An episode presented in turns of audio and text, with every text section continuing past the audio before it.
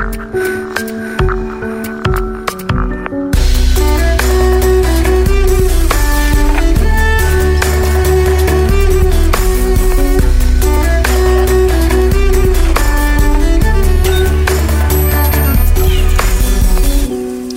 ja. Velkommen til Nerve, episode nummer 88, faktisk. Og jeg sitter nå her, jeg da faktisk eh, alene hjemme. Og det er ikke så veldig ofte jeg er, må jeg si. Altså, nå sier jeg alene. Jeg er det eneste mennesket i denne leiligheten, i hvert fall. Eh, Jeg har jo fortsatt Kyla, min lille Yorkshire terrier-baby. Hei. Og hun ligger her på pulten her sammen med meg. Jeg har tatt en eh, stor pute fra stua, lagt oppå, eh, oppå skrivepulten min her, ved vinduet. Så ligger hun nå krøllet sammen som en liten ball Sover litt og kikker litt ut og eh, bare ser søt ut. Så får vi se hvor lenge hun gidder å ligge der og laksen. Men det er egentlig ganske, ganske koselig. Det er eh, Det er ikke ofte jeg er alene hjemme. Det, jeg har jo en samboer som jeg bor sammen med, og det siden Siden eh, koronaepidemien, pandemien, eh, startet, så har han jobbet hjemmefra, hatt hjemmekontor. Så han har jo vært hjemme stort sett hver dag, og vi er jo ganske sånn introverte folk, som i utgangspunktet ikke er sånn Ja, vi er ikke kjempesosiale veldig ofte. Um, og når det i tillegg da blir en sånn uh, pandemisituasjon, og man får beskjed om å helst ikke møte noen, så ja, da, da blir man mye inne, kanskje. Inne alene. Da er det liksom oss to, og så ikke så mye mer. Så, og det å nå plutselig være alene hjemme da, det er eh, nesten litt sånn rart. Eh, nå er han på en sånn jobbgreie, eh, så han er borte noen dager, så nå er det bare meg og lille Kyla i leiligheten, og det er litt uvant. Uvant til å sove alene. Det, jeg er liksom på en måte vant til å være litt alene på, dagtid når samboeren min på en måte er på jobb i gåseøynene, han sitter på, på kontoret sitt og jobber. Så kan man liksom føle at man er litt alene sånn sett, men eh, jeg er likevel aldri helt alene. I tillegg så får jeg jo, det er jo sjelden jeg må sove alene, så det å sove i en sånn stor seng helt eh, alene, det er litt sånn rart. Å våkne alene, så er det ingen der. Eh, Så i natt så hadde jeg, hadde jeg, hadde jeg Kyla i sengen med meg, så hun sov sammen med meg i senga hele natta. Det er første gangen hun har gjort. Det var egentlig veldig koselig. Um, Men ja, skal vi se Bare se at jeg har eh, notatene mine her tilgjengelig. Jeg hadde noen Tasta ned noe smågreier, da. Eh, Ja, jeg bare si fra nå sånn med en gang at jeg, jeg sitter jo på kontoret mitt, men vinduet her er litt åpent. Eh, Det er, så det er mulig at man kanskje hører noe sånn støy fra en nærliggende barnehage. Iblant, i så fall så er det bare å unnskylde, men jeg kan nesten ikke lukke det vinduet, for det er ganske varmt. Eh, Nå er det jo blitt sommer i Oslo. Jeg vet ikke hvordan det er i resten av landet. Jeg håper dere eh, det har begynt å gå mot sommer der også. Vi har i hvert fall hatt veldig veldig fint vær i Oslo nå de siste dagene. Ordentlig sommervær. Og det er jo kjempekoselig. Eh, og jeg skal ikke klage på det, jeg. Jeg er et sommermenneske, uten tvil. Jeg er ikke noe glad i verken høst eller vinter. Høst for meg blir bare en sånn påminner om at nå kommer vinteren snart. Nå blir det mørkere og kaldere for hver dag, og så kommer vinteren, og så er vinteren sånn evigvarende helvete. Eh, Og så er sommeren alltid altfor kort. Så jeg prøver nå å eh, nyte sommeren så godt som mulig. Eh, ta hver dag og bare tenke at eh, yes, nå er det sommer, nå er det sommer. Um, og så nyte det så lenge det varer. Og nå er det ikke så lenge til vi skal på denne lille ferieturen vår, lille eh, roadtrip feriegreia vi har planlagt her i, i Norge. Det gleder jeg meg veldig til. Det, blir veldig, det tror jeg blir fint. Men ja, også, det er liksom det som er, det som er ja, I tillegg til å være alene hjemme, så er jeg alene på jobb denne uka. Det er jo også veldig sjelden. Jeg, jeg jobber jo med å restaurere vintage-møbler, eh, og det er jo bare meg og han som er i firmaet som, eh, som jobber sammen. Det er oss to på, på, verkstedet hver dag, eller hver dag når jeg er der. Jeg jobber jo ikke hver dag i uka, jeg jobber tre dager i uka. Men hver dag når jeg er der, så er det jo meg og han, og det er veldig koselig. Eh, vi kommer veldig godt overens, setter pris på å ha en eh, veldig hyggelig kollega, og at det ikke er så mye folk. Det er veldig ålreit, egentlig. Eh, men denne uka så er ikke han der, så jeg er faktisk alene hjemme og alene på jobb. Helt samtidig. Det er, det er, litt, det er litt rart. Så det er nesten sånn Jeg vet ikke om jeg liker det eller ikke. Det er bare uvant, på en måte. Men det skal nok gå greit. Jeg har nok å drive med på jobben, så jeg har, eh, jeg har noe å sette hendene i, eh, for å si det sånn. Eh, så det, det skal nok gå greit. Men jo, litt uvant er det jo. Jeg har Jeg vet ikke helt åssen jeg skal få en Eh, en eh, flytende overgang til dette temaet. Det går litt sånn Det kommer ikke noe godt eh, god overgang i hodet mitt her nå, men jeg, jeg har skrevet ned dyr. Altså i notatene mine, fordi at det føles litt som om det er mye som har dreid seg om dyr i det siste i mitt liv. Og jeg er jo, jeg er jo veldig, veldig glad i dyr. Jeg har alltid vært det. Helt siden jeg var liten, så har jeg eh, vært helt sånn latterlig opptatt av dyr og dyreriket, og da snakker vi ikke liksom bare om naboens katt eller noe sånt, på en måte. Det er liksom alle typer dyr. Eh, alt fra hai til firfisler og fugler, liksom. Um, og det beste jeg visste, eh, var jo å se på Jeg vet ikke om dere andre der ute som lytter på, så på Globus 2, som gikk på TV 2 Eh, da jeg var liten i hvert fall, var et sånn naturprogram. Jeg husker veldig lite av det, eh, men jeg husker at det het Globus 2, og at det var liksom favorittprogrammet, for det var liksom naturdokumentarer hvor de snakket om dyr og diverse greier. Eh, og David Attenborough er jo min helt. Jeg elsker David Attenborough, og har til og med tatovert et portrett av David Attenborough på låret mitt. Eh, jeg fant et veldig veldig kult eh, bilde fra BBC eh, tilbake i tida. Et vintage bilde av en veldig sånn ung og kjekk David Attenborough i dress. Hvor han er vel han kanskje sånn 40, i 40-åra, tenker jeg. Ganske kult bilde. Men uansett, det, er, så det har liksom alltid vært en greie. Jeg, jeg har liksom alltid hatt lyst på dyr. Eh, og maste mye om det, eh, husker jeg, i hele min oppvekst. Fikk ikke lov. Eh, og var alltid veldig lei meg og skuffa for det. At det var En ting er på en måte at jeg ikke fikk lov av hund eller katt, eller sånt, men jeg fikk ikke lov til å ha et jævla hamster i et bur engang. Altså, det var ingenting. Jeg fikk ikke Nei, det var ikke snakk om. Og det, det gjør meg fortsatt litt forbanna, for jeg skjønner ikke egentlig hva som er greia med det. Eh, jeg tror altså Foreldrene mine var veldig, de var bare sikre på at nei, hvis vi kjøper et uh, skaffer oss et dyr, så blir det vårt ansvar å passe på det dyret, fordi du kommer til å synes det er gøy en uke, og så gidder du ikke mer. Um, og det, jeg, kan, jeg, kan, skjønne det til en viss grad, sånn i forhold til hvis, du, hvis det er ganske sånn forholdsvis små eller umodne barn, på en måte. Da er det jo litt sånn at man, ting virker kult en uke, og så innser man hvor mye ansvar det er, og så er det ikke alt som er så gøy. Og så blir det ofte foreldre som kanskje må ta hovedansvaret og sånn, og det, det, kan jeg forstå.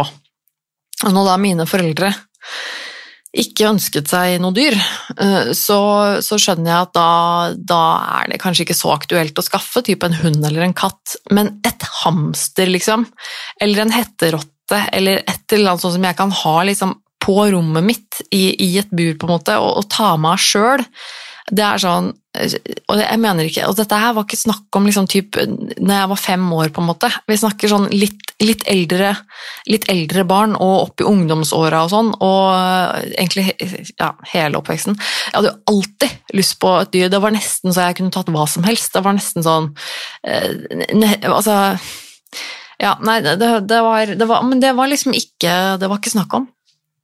Eh, men jeg husker at eh, en av mine brødre hadde en, eh, en periode hvor han hadde et par gullfisk i en, i en, bolle på rommet sitt. Det, det fikk han lov til. Vet ikke helt hvorfor han fikk gjøre det og ikke jeg, eller eventuelt om jeg kanskje hadde fått lov jeg òg hvis jeg hadde hatt lyst på gullfisk. I don't know. Jeg tror kanskje da at Jeg tror kanskje gullfisk var den ene tingen jeg på en måte ikke syntes var så spennende. Um, rett og slett fordi at det, de kan du på en måte ikke gjøre så veldig mye med. Uh, og så lever de veldig kort, og så uh, Ja, så jeg hadde lyst på et, et, et kjæledyr som kunne på en måte være en, en, liten venn på et eller annet nivå. Uh, men det, det, var ikke snakk om. Jeg husker jeg, jeg husker jeg spurte om det så mange ganger. Det var liksom sånn og jeg var veldig redd for å liksom få bli avvist og få nei, og sånn, for jeg fikk det hele tiden, så jeg skrev sånne små brev uh, husker jeg, til uh, mamma eller pappa og, og, liksom spurte sånn Vær så snill, kan jeg få bare lite altså Det var sånn Bare en hamster eller et eller annet sånn, i et bur, vær så snill, tenk på det, da. Man kan ikke i hvert fall tenke litt på det. Altså, det var sånn Nope. Um, det skjedde ikke, altså. Uh, det syns jeg var noe dritt. Så jeg hadde jo alltid ønsket meg, alltid ønsket meg dyr. Alltid vært ekstremt glad i dyr. Alltid syns egentlig at dyr er veldig mye mer spennende enn mennesker. Um, alltid vært mer glad i dyr enn i mennesker. Syns um, uh, lik, ja, liker egentlig mer at Jeg liker, liker, dyr bedre enn mennesker. Sånn generelt. Sånn er det bare. Sånn er jeg bare, liksom. Jeg eh, Det var litt, eh, litt komisk. Jeg var Jeg var eh, Ja. Å, flott. Nå kommer det en gressklipper utafor her. Ok, jeg må rett og slett lukke vinduet. Jeg får bare beklage det bråket. Det er typisk. De skal begynne å klippe plenen utafor vinduet mitt akkurat nå. Får jeg ikke gjort så mye med. Men Uh, hva var jeg Jo, ja, jeg må bare ha en liten En liten slurk av min uh, Coca-Cola uten sukker. Uh, jeg var i byen sammen med eh, min nærmeste venninne her for en kort tid tilbake. Eh, og hun, eh, hun, er gravid og, eh, og, har barn fra før. Og jeg har jo ikke det, og det har vi jo snakket om før i podkasten. Det er ikke det som er poenget, men det var litt gøy fordi vi tusla litt rundt på Grünerløkka, og så var det en en fyr som da gikk med hadde da et lite barn, eh, sikkert en toåring eller noe sånt, en liten gutt, tror jeg, på to år, som var litt sånn søt og chunky, eh, holdt jeg på å si, litt sånn klønete pjokk, som gikk rundt sammen med han. Og så hadde de også en hund som han gikk med samtidig, og det var sånn vi så liksom på dem da vi, da vi gikk forbi. Ingen av oss så på duden. Men hun så på babyen, og jeg så på hunden. Det var litt sånn Hun, hun var liksom 'Å, så søt baby', og jeg var sånn 'Å, så søt hund'. og det, det, er litt sånn eh, Litt sånn oppsummert, føler jeg. Eh, jeg er den som kikker på hundene til folk når jeg går rundt, og ikke spesielt opptatt av verken folk eller babyer, eller noen ting, men veldig glad i dyr. Og så har jeg jo en hund selv, som jeg har vært inne på før. Eh, hun heter jo Kyla, og hun er jo må vi ha gått tur med, og jeg koser meg stort sett med det.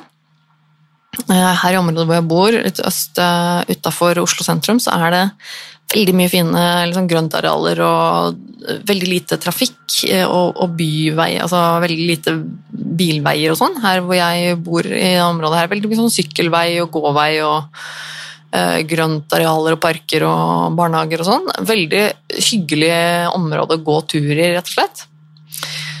Og jeg pleier å gå tur på en eh, kirkegård som ligger i nærheten her. Som er veldig, veldig fin. Den er eh, jeg vet ikke om, alle, om, det er vanlig at kirkegårder er så fine, men jeg føler at denne her er så, den er så ekstremt velpledd, på en måte. Vel, velpledd? Velstelt. Velstelt. Uh, er, altså, all, altså, plenen er så pene og grønne, og det er veldig, alt er alltid veldig sånn frisert og nyklippet plen. Og uh, gravstenene er liksom, Alt er veldig på, sånn pent på rekke, og det er friske blomster ofte plantet der. Og det, og det, er, det er, liksom velholdt og veldig sånn uh, er det rart å si at en uh, gravlund er idyllisk, uh, men den er egentlig nesten det. For, den, for det, er liksom, det er ikke en flat sånn lang eh, slette, på en måte. Den er liksom delt opp i sånne seksjoner hvor det er liksom veier mellom, og så er det liksom en liten topp. Så, nei, men det er i hvert fall eh, nesten som en liten park. Og veldig hyggelig å gå der, og så er det ikke så mye andre folk som pleier å være der, så det, jeg syns det er veldig hyggelig å kunne tusle litt der. Så vi går ofte innom der. Og her i, eh, for et par dager siden så, så går jeg tur med Kaila, eh, og så har vi gått gjennom kirkegården, og så er vi på vei mot eh, selve kirkebygningen. Og der på siden der så da følger vi på en måte kanten av, av kirkegården på veien der, og så svinger den gjennom noen trær og noe sånne greier inn mot liksom selve kirkebygningen. Og akkurat når vi kommer mot mot, altså gående mot den lille svingen da, som er mellom de trærne der, og sånn, så Eh, legger jeg merke til at det er et veldig eh, bråk og spetakkel med noen fugler som, eh, som driver og styrer noe veldig og skriker borti der. Og jeg ser da at det er en, en svær måke. Og du vet hvilke jeg mener, de der svære måkene. Ikke hettemåkene, men de der, hva er de heter? Havmåker? Fiskemåker? Husker ikke. De store som, eh, som eh, altså er ganske sketchy måker, som bare er ganske uredde og frekke. Uansett, de um, Det var en sånn som hadde da fått tak i en liten fugl. Jeg er litt usikker på hva slags type fugl det var. Det var en bokfink, muligens, eller Det var i hvert fall Ja, uansett. Og, og da hadde den Og den drev og halte og dro i den lille fuglen som sprella og prøvde å, skreik og prøvde å komme seg løs fra nebbet til dette svære dyret. Og liksom de andre småfuglene rundt i området og liksom bare skreik og prøvde å jage vekk den der eh, måka da, som holdt på å ta livet av den lille fuglen. Um, og Jeg ble liksom satt ut da jeg så det her, og dette skjedde liksom midt på eh, den gangstien da, som gikk eh, bortover der. Så jeg, eh, jeg, jeg, jeg begynte å småjogge liksom, mot dem for å liksom prøve å skremme vekk den der måka, for jeg syntes det var forferdelig. Um, og det, det, klarer jeg, da. Så når jeg kommer såpass nærme etter hvert, så, så, flyr den måka sin vei, og alle de andre fuglene flyr sin vei. Og den stakkars lille angrepne pipipen blir jo da liggende på bakken der. Den blir liggende på ryggen og spreller litt med vingene og beina uh, før den blir liggende ganske stille når jeg kommer bort. Så jeg, jeg, det er litt sånn Jeg tenkte, jeg tenkte på liksom hele veien bort Bort at liksom Men hva gjør jeg? Jeg kan jo ikke gjøre noen ting, egentlig. Um, så jeg kom bort der, da, så tok jeg opp og liksom plukket opp den der lille fuglen da, som, eh, som, da lå helt stille. Da hadde den vel øynene litt sånn åpne, men da lå den veldig stille. Det var bare noen små rykninger, tror jeg, i liksom i den lille fuglen, og jeg låste og sto med liksom i hånda, og så var jeg litt sånn Shit, hva gjør jeg nå? Ah, fuck, jeg kan jo ikke gjøre noe. Altså, det er ikke noe det er ikke noe jeg kan gjøre. Det er ikke sånn at jeg kan redde den med å dra til en veterinær i nærheten. eller et eller annet sånt. Det er, først så er det ikke noe sånt i nærheten. Og hadde, Den fuglen hadde ikke overlevd den reisen, for å si det sånn, eh, om jeg i så fall i det hele tatt hadde funnet noen som var villig til å på en måte hjelpe en, en, en vill fugl. Men så døde den lille fuglen da, i hendene mine uh, mens jeg sto der og holdt den. Og så blir jeg litt sånn Men hva hva gjør jeg nå med stakkars lille dyret som bare sluknet i hendene mine? Og det var så trist. Han var så søt, så jeg ble liksom bare stående og holde den og uh, liksom stryke litt forsiktig på den og bare åh, hva, hva, gjør jeg med deg nå? Um, så fant jeg ut at ok, men jeg, jeg, jeg, kan jo ikke gjøre noen ting, jeg må bare legge den fra Det er ikke noe vits at jeg tar den med hjem. Altså, jeg kan ikke så, så, jeg tok og bar den bort til en busk som var i nærheten, og så tenkte jeg ok, hvis jeg legger den liksom ned under den busken, så kan den i hvert fall få ligge der i fred en, en stund. Sånn i tilfelle den skulle komme til seg selv igjen og, og livne til, um, så kan den i hvert fall få litt fred uh, på siden der. Uh, og hvis den er død, eller fortsetter å være død, eller hva man skal si, så blir den helt sikkert eh, offer for en katt eller et eller annet sånt noe. Den får nok neppe ligge i fred, en sånn liten død fugl, men, men, da tenkte jeg at ja, ja, ok, det, det, får ikke jeg gjort noe med. Um, men da slapp den i hvert fall å uh, trekke sitt siste pust uh, i, mens den ble revet i filler av en svær jævla måke, liksom.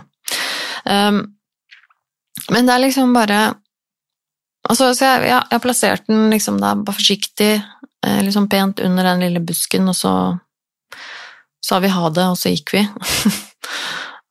Kyla fikk også snuse litt på den og skjønte ikke så mye, tror jeg, men uh, Og det var liksom sånn åh, Ja, blir litt sånn vemodig, selv om det bare er sånn det er en liten fugl. Den betyr ingenting i den store sammenhengen. Uh, og den uh, Det er holdt jeg på å si, ingen som var glad i den heller.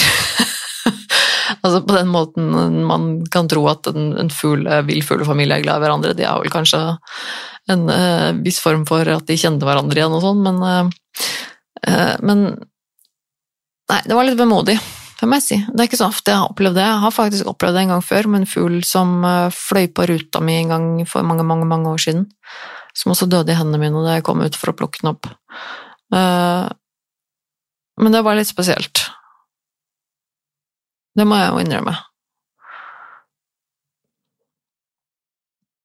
Og så Så det var litt sånn eh, Det var litt sånn vemodighetsfølelse, og så um, Så er det, i det siste, på jobben Jeg må, jeg må tenke meg om nå for jeg, måten jeg skal liksom fortelle om dette her på. For det, det, er liksom nå, noen ganger nå de siste jeg har vært på jobben, så har jeg Ok, for det, det stedet jeg jobber er um, ikke så langt, uh, det er et par kilometer utenom der jeg bor. Og det er uh, faktisk gammel skolebygning. Um, og vi jobber da i første etasje og har vinduer ut mot eh, ja, det er sånn boligblokkområde, og så rett utafor vinduet er det egentlig en, eh, en, sånn plen, egentlig. En ganske pen eh, plen eh, som er liksom mellom noen bygg, da. Og jeg, når jeg sitter på jobb, så, så, kan jeg se ut av vinduet, og spesielt den ene dagen her, var det i forgårs eller noe sånt, da jeg var på jobb, så ser jeg igjen da eh, en dame med hund som jeg har sett der før. Og Nei, vet du, jeg, jeg, driter faktisk i om, om, eh, om, jeg sier for mye om, om, noen skjønner hvem hun er. Vet du, det gir jeg egentlig faen i. For at det, uh, jeg, jeg, dette kvinnemennesket irriterer meg så forbanna jævlig. Eller gjør det egentlig hver gang. Jeg har sett henne nå kanskje tre fire ganger eller noe sånt, mens jeg har vært på jobb, og jeg da eh, ser dem ut gjennom vinduet, hvor hun da tar med seg denne hunden sin og går tur, går tur i gåseøyne med denne hunden da på denne plenen som er rett utafor bygget. Og hun bor, det har jeg jo lagt merke til da, for hun kommer ut derfra og går inn igjen der hver gang, i den blokka som er rett ved siden av der igjen. Så det, det, vi snakker ekstremt korte distanser her, men det virker som det er det den hunden får av trim det er at hun tar med den hunden ned på den plenen. Og det Og dette er en eh, sånn gammel kjerring, ikke kjempegammel, sikkert sånn 60 år eller noe sånt. Og hun har da en hund som er Det er en rottweiler-tispe, og rottweilere er ganske store hunder. Og denne er stor, for å si det sånn, men ikke på en sånn god måte. Den er overvektig, den hunden. Den er ganske tjukk. Eh, og du ser det når den går, at den trulter liksom bortover litt sånn sakte og bedagelig, og er eh, ja, overvektig, for å si det sånn. Men ikke bare det, men hun, eh, hun, hun er så jævlig irritert hun på den bikkja, virker det som, for hun driver og napper i det båndet hele tiden, så den stakkars bikkja den får ikke lov til å stoppe å snuse. Og det er liksom bare sånn, og det er ikke sånn at de skal gå fort, eller sånt, ikke, for hun bare tar den med ut på den plenen, og så går hun på en måte bare opp litt sånn rundt på den plenen, eh, og så tilbake igjen, eh, inn igjen med den bikkja. Men på veien der, får, eh, på plenen, så får liksom ikke den bikkja lov å stoppe og snuse. og liksom Hver gang den bikkja stopper et sted og begynner å snuse, så driver hun og napper da, i det båndet og liksom Nei, kom her, kom her hele tida. Og jeg kjenner jeg blir så forbanna på den jævla kjerringa. Og så en ting er at den altså, Den bikkja der, den er overvektig. Det er en ting som gjør meg drittforbanna. Jeg blir eh, stort sett ganske frustrert når jeg ser folk som har kjæledyr som er overvektige. Som eier, som menneske, så har du ansvar for helsa til ditt kjæledyr. Det å ha en hund eller en katt eller liksom kjæledyr som er overvektig, det er dyremishandling. Du har ansvar for helsa til denne bikkja her. Eh, det er hennes ansvar å, sørge for at den hunden får den mosjonen den trenger og spiser passe mengde mat. og hvis hun ikke klarer å gi den det, så er hun nødt til å finne noen andre som kan gjøre det. Det er hennes ansvar. Du har fucking skaffet av den hunden der. Det er ditt ansvar å gi den hunden det den trenger i livet for å ha et godt liv. Og den har også kroppet hale. Den har altså, Halen på den bikkja er nærmest ikke-eksisterende. Det er ikke en liten stump engang. Den er egentlig helt borte. Eh, og jeg håper jo at det i så fall er noe som er gjort fordi den bikkja kanskje har eh, da brukket eller skadet halen sin en gang, som har gjort at den er blitt amputert. Men og hvis hun har bare kroppet halen på den bikkja når hun var liten fordi hun syns det er fint, eller noe sånt, det, det er sånn, det, og det er jo, som mange dere sikkert vet, det er jo ulovlig i Norge å kroppe hale eller kroppe ører på bikkjer. Eh, det er ansett som dyremishandling, og det er rettmessig, for det er det, er det styggeste jeg veit. Eh, og, og det at hun bare hun gidder ikke å gå lenger enn den første gressplenen hun finner. Der tar hun med den bikkja. Bare en liten runde der, og så er det opp igjen med en gang. Den, og jeg kjente og, jeg, og det er det hver gang. Hver gang jeg har sett dem, så er det det samme. Samme dama med samme bikkja som bare går ut på den samme flekken. Den lille Det er maks fem minutter. Eh, hvor den bikkja da får kanskje tissa bæsja, og så prøver den å snuse litt, men hun bare napper den med seg. Og det er så dårlig gjort! Altså, en ting er hvis du har, hvis du har dårlig tid, eh, og altså eh, Selvfølgelig, jeg skjønner at det er ikke alltid man kan liksom stoppe hele tiden. Hvis, hvis bikkja di på en måte skal stoppe å snuse på absolutt alt hele tiden, altså noen ganger så ja, så greit, men, men poenget er at det å nekte hunden din å snuse og, gjøre seg kjent med omgivelsene når du er på tur, det er, det er ondskapsfullt. Altså, det er sånn hunder kommuniserer med omverdenen sin. Det er ved å snuse på, på, andre hunders spor og uh, verden rundt dem. Det er en så stor del av et hunds liv at det å bare ikke tillate hunden din å stoppe å snuse i det hele tatt, det er uh, ondskapsfullt. Eh, og jeg blir eh, ordentlig forbanna når jeg ser på hun dama der. Så jeg, jeg, jeg, satt og så på henne nå forleden her for et par dager siden på jobben. Så sitter jeg og jobber, og så ser jeg at hun kommer da med den bikkja. Og jeg blir bare sittende og stirre og se på eh, de hele da, fem minuttene hvor de er utenpå, ute på den plenen. Og jeg sitter der med Sikkert ser ganske forkrøkla ut i trynet og er altså så jeg kjenner jeg blir så eitrende forbanna. Jeg har lyst til å bare Jeg var ganske nær ved å på en måte bare legge fra meg tinga jeg holdt på med, og så gå ut. Og egentlig har jeg mest lyst til å bare skrike henne i trynet. at bare Kan du la den stakkars bikkja di få lov til å snuse litt? Kan du gi faen i å nappe i den stakkars hunden din hele tiden. Og hva, hva faen er det du gjør med en sånn hund? Denne hunden her har det ikke bra. Og det er liksom jeg, jeg syns så synd på den hunden, og jeg ble så forbanna på hun jævla kjerringa.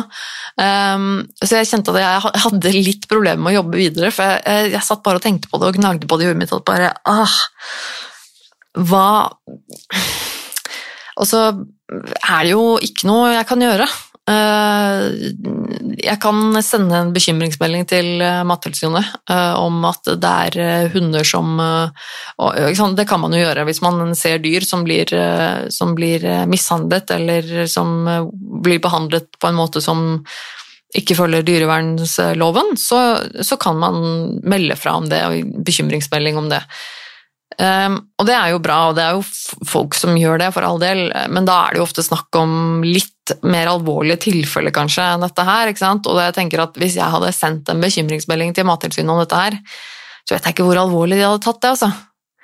Uh, og jeg kan på en måte Jeg kan skjønne det, men samtidig så syns jeg det er jævlig trist, for det er liksom Den hunden, da, eksempelvis, liksom, som bare er stuck hos en eier som bare er helt forbanna inkompetent til å ta vare på den hundens eh, ve og vel. Det er ingen som kan gjøre noe, da. Altså, skal, den, den, kan jo ikke få gjort noe selv, den hunden. Det er ikke sånn at den hunden bare sånn Nei, vet du hva, nå gjør jeg det slutt, sjalabais, jeg gidder ikke å bo hos deg mer. Dette er, jeg har det ikke noe bra, jeg. Det går jo ikke an, og det er tydeligvis ingen andre som tar tak i det.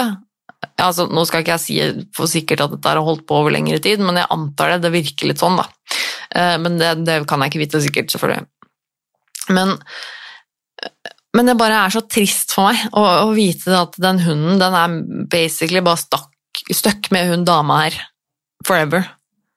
Og er stuck med å ha et sånt ræva liv hos en gammel kjerring som ikke gidder å ta ordentlig vare på bikkja si. Det gjør meg jævlig trist og forbanna. Så jeg, resten av liksom, den dagen på jobb så satt jeg bare og så for meg sånne scenarioer inni hodet mitt hvor jeg da gikk ut et scenario hvor jeg sto der og skreik til hun jævla kjerringa og fikk henne til å gi fra seg hunden til meg. Jeg bare sa vet du hva, jeg tar den hunden, jeg. Bare si ha det. Stikk. Gå vekk. Jeg tar den hunden.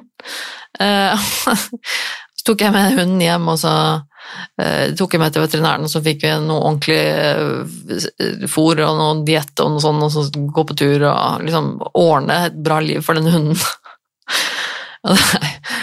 ah, ja, jeg så det inni hodet mitt. Um,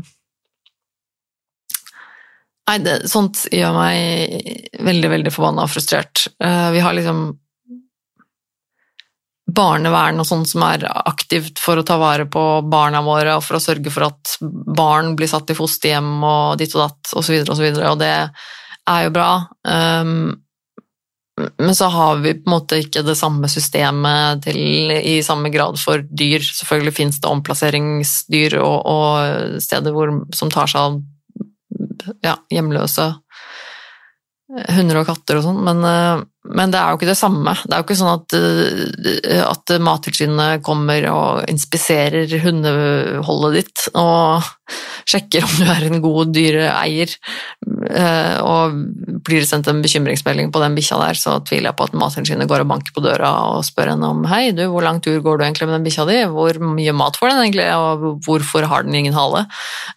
altså um, Nei, det um, det er for meg bare jævlig trist, altså. Så det, det har vært litt sånn eh, Ja, litt sånn trist, må jeg si. Men uh, ja. Ja. Jeg vet ikke om jeg har så mye mer å si om det. Men uh, ja, Oslo har jo åpnet igjen. Jeg, jeg, bor i Oslo. Endelig har Oslo åpnet uh, nå etter denne forbanna jævla pandemien som har herjet uh, og rått over hele jævla verden. nå begynner det å ligne at kanskje vi kan få en tilnærmet normal tilstand igjen. Butikker og spisesteder og, og sånne ting har åpnet. Nå er det faktisk mulig å føle at det er lov til å være i byen, på en måte. Og det er veldig fint. Og så er det selvfølgelig én ting som irriterer dritten av meg, da. Ja da, det er mer. Eh, Og det er jo dette med munnbind. Fordi at eh, det virker som om med en gang Oslo liksom åpnet, så er det som om folk bare har tenkt at å ja, men da trenger vi vel egentlig ikke det munnbindet mer. Og jeg Eh, jo, det gjør du. Det er ingen som har sagt at du skal slutte å gå med munnbind selv om du får lov å gå i butikken eller spise på den uteserveringa her. Du er nødt til å ha på deg munnbind når du er på toget eller bussen eller på stasjonen, eller, og det står tydelig overalt. Det står 'bruk munnbind', 'bruk munnbind', 'bruk munnbind'. Og likevel så er det folk som gir faen i det. Og jeg, jeg kjente eh, Det var noe som irriterte meg grenseløst her forleden når jeg satt på toget sammen med samboeren min. Og det, det, det, er, det står tydelig skilt på toget. Vi har hengt opp skilt på togene, inne på togene hvor det står 'bruk munnbind om bord'. Eh, Og på stasjonene så står det også helt tydelig plakat med 'bruk munnbind på stasjonen'. Det er veldig tydelig. Det er veldig lite Det er ikke noe å misforstå. Det er veldig eh, klartekst, eh, og du skal være ganske mm, forholdsvis heftig tilbakestående i hodet ditt for å For å Unnskyld meg, ass, men for å ikke skjønne det. Eh, eh, Så, så det er eh, Da er du bare en som gir faen, og det har ikke jeg noe respekt for. Jeg hater folk som, som bare ikke gidder, fordi at de bare tenker at nei, men altså, jeg blir ikke sjuk, eller nei, men jeg har vært sjuk, så det går bra. Eller nei, men jeg har blitt vaksinert, så jeg driter i det. Du, det driter jeg i, for jeg er ikke det. Jeg og mange andre har ikke vært sjuke og har ikke blitt vaksinerte, og kan fortsatt bli syke. Så det at du fortsatt det at du bare driter i munnbind, det, det er ikke greit. Fordi at du bruker ikke munnbind for din egen del, du bruker munnbind for min del, for alle andre mennesker rundt deg. Og det er så mange mennesker som ikke forstår det, eller som bare ikke bryr seg. Som bare tenker at ja, men jeg gidder ikke å bruke munnbind, for at jeg blir ikke sjuk uansett. Altså, hvor forbanna jævla dum i skallene er du? Altså, er du, er du så dum? Eller er det bare at du bare faktisk ikke bryr deg en dritt om mennesker rundt deg? Jeg vet ikke hva som er verst, egentlig. Um, så det, og det, har, det irriterte meg veldig, og da vi satt på toget den ene gangen her, så satt vi um, eh, Vi satt ved siden av hverandre på den ene siden av midtgangen, jeg og samboeren min. Og på den andre siden av midtgangen så var det en sånn fireseter, eller en seksseter, husker ikke helt. Uh, men da var det altså tre uh, tre gutter, unge menn, sikkert sånn 20-åra, og en dame som, som satt på den seksseteren der. Og det sier seg jo selv at da, når det sitter så mange mennesker på så få seter innen så få kvadratmeter, så er det ikke to meter mellom disse menneskene. Og de, de tre gutta som satt der, de satt uten munnbind, eh, og hun ene jenta, som ikke, tydeligvis ikke var sammen med dem, men som bare satt på samme seteklynga, si, hun brukte munnbind. Og jeg tenkte bare åh, stakkars eh, jente, holdt jeg på å si. Jeg hadde vært så forbanna hvis det var meg som satt der med munnbind, og så kom de tre jyplingene der og bare setter seg ned og prater og gir bare faen. Og jeg kjente jeg ble drittforbanna. Eh, hvorfor bruker ikke dere munnbind nå, liksom? Nå sitter dere her, på et tog. Det er forholdsvis ja, mye mennesker på toget. Det er ikke fullt, liksom, men, men det, er det er ikke så lite mennesker her at vi kan holde mer enn to meter, eh, to meter eller mer avstand mellom oss. Og dere tre eh, dere er ikke brødre, dere er tydeligvis eh, kompiser, men ingen av dere gidder å bruke munnbind, og dere sitter ganske nærme hverandre. Det er mindre enn en meter mellom dere. I tillegg til at dere sitter ganske nærme en fjerde person som dere ikke kjenner. Og det sitter flere på toget også, som, altså i samme vogna, litt lenger, altså ikke langt fra dem, inkludert oss. Og jeg, jeg blir så forbanna. Jeg kjenner at jeg blir ordentlig ordentlig forbanna. Det er sikkert, Kanskje det er teit av meg, kanskje jeg burde roe meg ned litt og ikke bli så sur, men jeg blir kjempesur. Og det som også er med på å gjøre meg, gjør, gjøre meg sur, er at det er ingen som sier ifra av konduktørene. Og det går konduktør forbi, i hvert fall to ganger, som jeg observerer, går det en konduktør forbi som ikke sier noen ting om at disse menneskene sitter så tett uten munnbind på deres tog. Og det blir jeg ganske frustrert over. Jeg snakker med, med Gunnar, samboeren min, om det, som sitter ved siden av meg. Jeg sier at jeg syns det, det, er uakseptabelt, jeg skjønner ikke greia. Hvorfor kan de ikke si fra til dem når de, når de går forbi her? Det står skilt og, og hengt opp eh, skilt overalt at det er bruk av munnbind som, munnbind som gjelder her. Det står til og med på, da på det tidspunktet, jeg vet ikke hvordan det er nå, men på det tidspunktet der så sto det også at uh, ifølge FHI så var det påbudt med uh, munnbind hvis ikke du kunne holde to meters avstand i Oslo. Og, øh, så jeg tenker ok, jeg, jeg er innafor her når jeg tenker at det de gjør, er ikke greit. Men likevel så er det ingen som sier ifra. Og øh, så øh, min, min samboer er enig med meg og, og tvitrer dette her, da, situasjonen, og tagger Vy og Ruter, tror jeg, jeg er ikke sikker. Og det vi får til svar, da, det er at nei, de har ikke noe, har ikke noe mulighet til å, til å, håndheve disse reglene. Det er det politiet som gjør. Men, sånn, men, men dette her Men eh, nå er vi på et tog. Altså, skal du få Men dette Nei. Altså For ifølge deres egne regler, de reglene som dere selv eh, har på deres egne nettsider osv., som handler om sikkerheten til passasjerene, så mener dere at den er viktig. Og da er det regler som gjelder om måten man skal eh, oppføre seg og ikke oppføre seg, og ting man skal gjøre og ikke gjøre om bord. Eh, og blant annet det å, det å, hvis du sitter på toget og har beina på setet, f.eks., det sier de fra om. Da kommer de og sier hei, du, eh, kan du ta ned beina dine? Men det å kommentere at noen eh, potensielt setter andre passasjerer i livsfare med et dødelig virus, det driter de i. Selv om det er liksom opplest og vedtatt eh, i, vårt samfunn og i vår kommune at dette er reglene. At munnbind skal på hvis ikke du kan holde to meter avstand. Um, nei, det, det, er ikke vi har ikke mulighet til å ettergå det. Det er politiet som må styre ja, Ok, så politiet mm, Ok, så politiet skal begynne å patruljere hvert tog, da. Så, så, vi må ha eget politi på toget, egentlig, da. Ja, men så greit. Da kan vi bare begynne å ha det, da. At uh, politiet også skal ha ekstra Da må vi ha penger til det, sånn at politiet kan ansette ekstra folk, få ekstra ressurser for å ha politifolk som inspiserer toget. Er du Hæ? Det, det, men det går faktisk ikke. Det skjønner jo du også. Uh, og, og, hvis du er så jævla opptatt av sikkerheten til passasjerene dine, uh, så er det vel innafor å kunne gå og si ifra. Og jeg mener ikke at du skal påtvinge folk det. Jeg sier ikke at du skal eh, gå bort til vedkommende og si 'hei, få på deg munnbind', eller 'kom deg av toget', eller gi han en bot, eller et eller annet sånt noe. Nei, jeg skjønner at det blir vanskelig, jeg skjønner at det kanskje er utenom det hjemmelen til konduktøren, eller hva faen, men det går an å si ifra, det går an å bemerke det, det går an når du jobber på toget, og det er reglene, så går det an å si at um, hva er grunnen til at dere ikke har munnbind?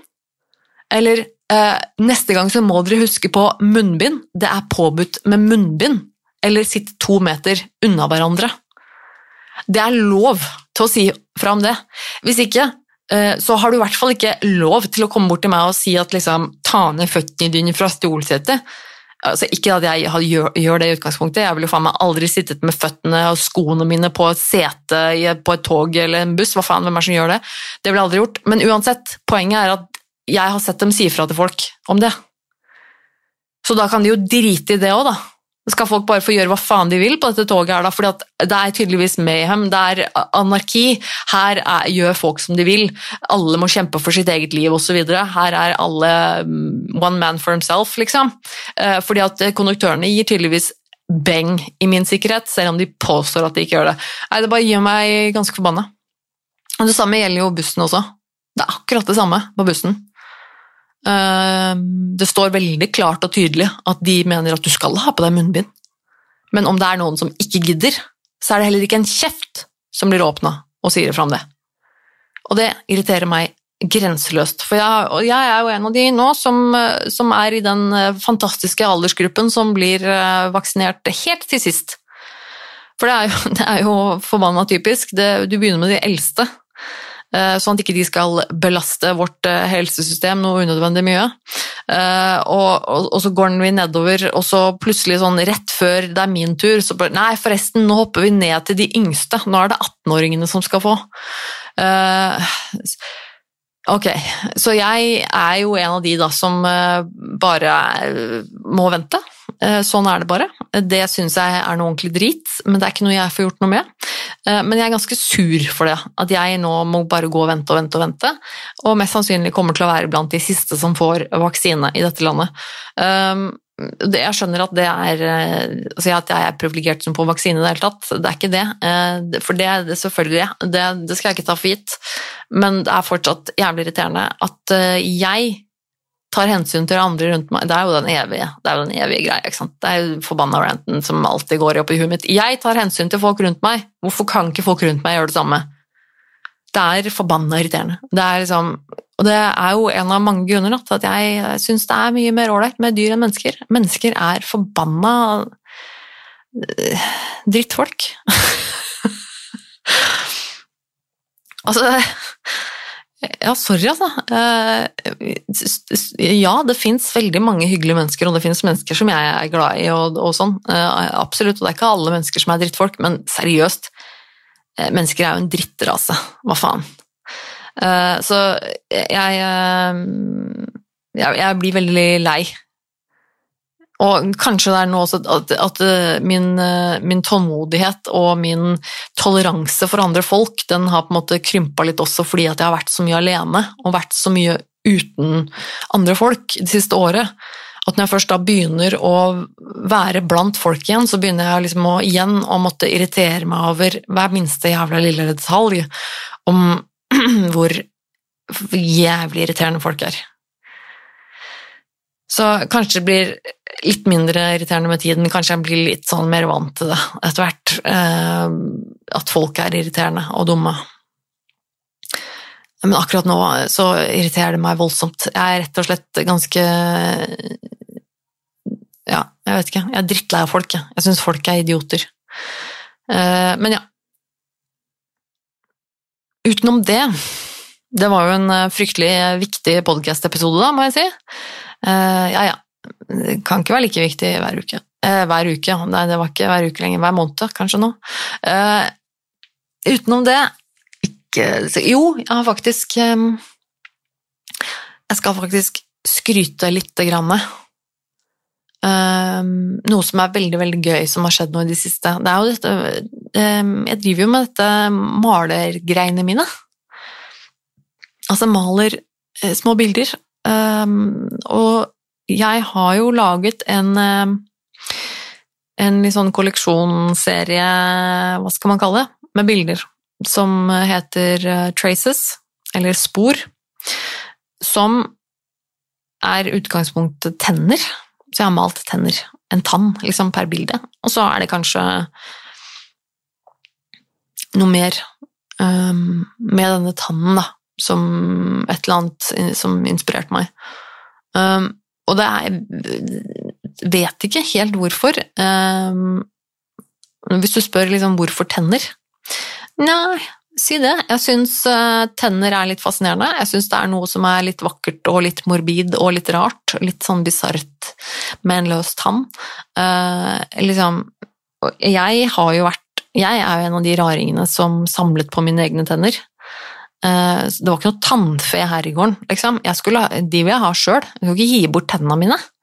Så har jo, det har jeg fortsatt eh, liggende i en liten boks. Eh, mine tenner som jeg har samlet på siden jeg var ganske ung. Eh, til og med et par melketenner der. Eh, et par jeksler og sånn. Eh, og også noen sånne ganske store jeksler som jeg har trukket hos tannlegen en gang, med masse sånne store røtter og sånn. Utrolig fascinerende.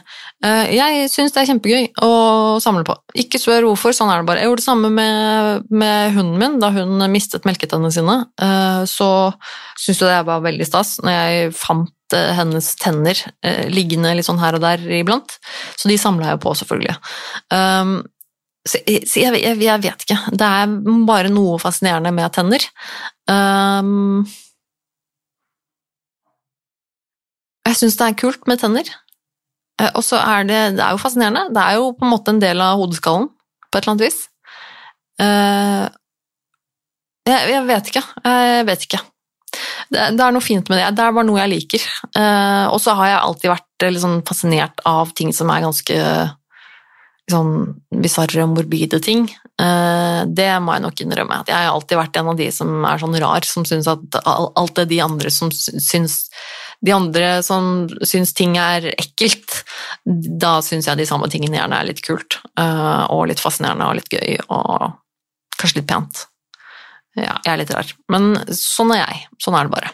Uh, men det som er gøy, det jeg skulle fram til med disse tennene, uh, bildene, da, maleriene, er at jeg har faktisk solgt alle jeg har laget hittil, og det er utrolig kult. Jeg, altså jeg, jeg, begynte jo ikke å male de for at jeg skulle starte noe produksjon og tjene penger, akkurat. Det var ikke sånn at nå skal jeg bli kunstner og tjene penger. Det, det hadde vært ganske naivt. Eh, men, men, når jeg faktisk har malt dem, da, så viser det seg at det faktisk er andre folk som syns de er kule, og så har jeg solgt eh, faktisk alle jeg har malt hittil, i tillegg til at jeg har liksom eh, bestillingene, så jeg har en, en en som ikke er laget ennå, som allerede er solgt.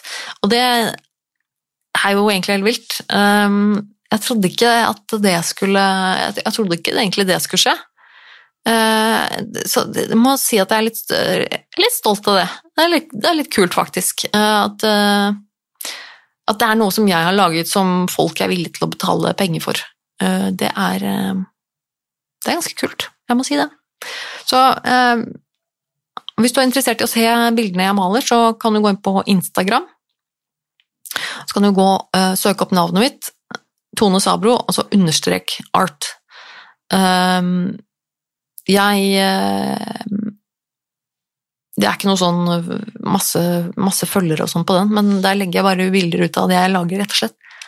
Og det, uh, alt jeg lager er, er jo til salgs, det noen grunn til å ikke skulle selge ting hvis det var noen som var interessert, uh, ellers så blir det jo bare stående her, på en måte. Så, uh, men det er jo helt, helt, vilt at jeg faktisk har klart å selge alt sammen. ja, det er veldig kult. men det kommer flere. Ja, jeg har jo nå to stykker som er i, i, bestilling, som jeg har fått fra kunder som ville ha, og som jeg holder på snart ferdig med. Så jeg må bare si takk til dere. Uh, hvis det er noen av dere som hører på min podkast, så må jeg jo si tusen takk for at dere liker eh, maleriene mine, og at dere har kjøpt maleri av meg. Det syns jeg er utrolig kult. Det, det syns jeg er ordentlig stas. Og det å få et uh, bilde da, gjerne liksom, etterpå, når vedkommende da har mottatt bildet og enten hengt det på veggen eller satt det på plass der det skal stå, eller et eller annet. Og det, det er noe veldig eget med det å kunne se noe som jeg har laget, ut fra mitt eget hode, uh, som noen har kjøpt og betalt for, og som nå på en måte henger på en vegg i noen andres stue. Det er, uh, er nesten litt sånn surrealistisk. Veldig kult. Eh, det er en god følelse. Så det er hyggelig. Det er veldig hyggelig. Jeg skal avslutte nå. Det blir jo alltid sånn at jeg prater mye mer enn det jeg tror. Eh, selv om denne episoden ble ganske uviktig, så kan den jo være så, vet jeg jo at det er noen av dere der ute som liker det uansett. Så det er veldig hyggelig, det òg. Men jeg skal runde av. Og før jeg runder av, så skal jeg minne folk om at jeg har en eh, jeg har jo en Patron uh, som, som, er for de som ønsker å, å støtte meg litt økonomisk uh, for den jobben jeg gjør med podkast og YouTube og ja, diverse sånne greier som jeg ikke får betalt for i det hele tatt. Uh, så er det veldig hyggelig. Det er patron.com slash Tone Sabro. Uh, og så har jeg jo, er jo på sosiale medier, vet du. Uh, Tone Sabro heter jeg der, stort sett. Nesten uh, uansett hvilken plattform, så hvis du søker på navnet mitt, så finner du meg. Og så har jeg en, en Instagram til denne podkasten som heter Tone Nei, det gjør den ikke, den heter Nerve med Tone. Og det samme gjelder også mailen min. Hvis du har eh, lyst til å maile meg eh, og gi noe innspill til denne podkasten, kanskje det er noe tema du har lyst til at jeg skal snakke om, eller tenke noe rundt eh, høyt om, eller eh, kanskje noen spørsmål, eh, hva det skal være. Jeg har fått inn litt forskjellige greier der opp igjennom, um, og det er veldig kult, det setter jeg pris på. Da kan du i hvert fall sende det til nervemetone at gmail.com. Da kommer det rett i lomma mi. Um, og så vil jeg jo bare Var det noe mer, da? Nei, jo. Altså, jeg har jo YouTube, da. Uh, YouTube-kanalen min er, uh, er oppe og går, den. Uh, kommer ut en video nå og da. Um, og da, ja, som igjen, du bare søker på navnet mitt, Tone Sabro, så finner du meg der òg. Veldig kult med de som støtter meg der også. Ja. Det, det trenger ikke å si noe mer nå, tror jeg. takk for at du hørte på. Det er veldig kult, setter pris på det. Og så høres vi nok igjen. Akkurat når vet jeg ikke, men det kommer nok en episode til en gang i fremtiden. Så fortsett å abonnere, og så høres vi igjen da. Ha det!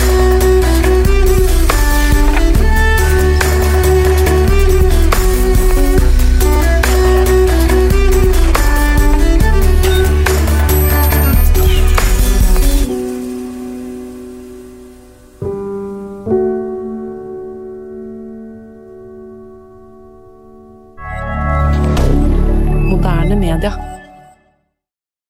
Har du et enkeltpersonforetak eller en liten bedrift? Da er du sikkert lei av å høre meg snakke om hvor enkelt er med kvitteringer og bilag i fiken, så vi eh, gir oss her, vi. Fordi vi liker enkelt. Fiken superenkelt regnskap.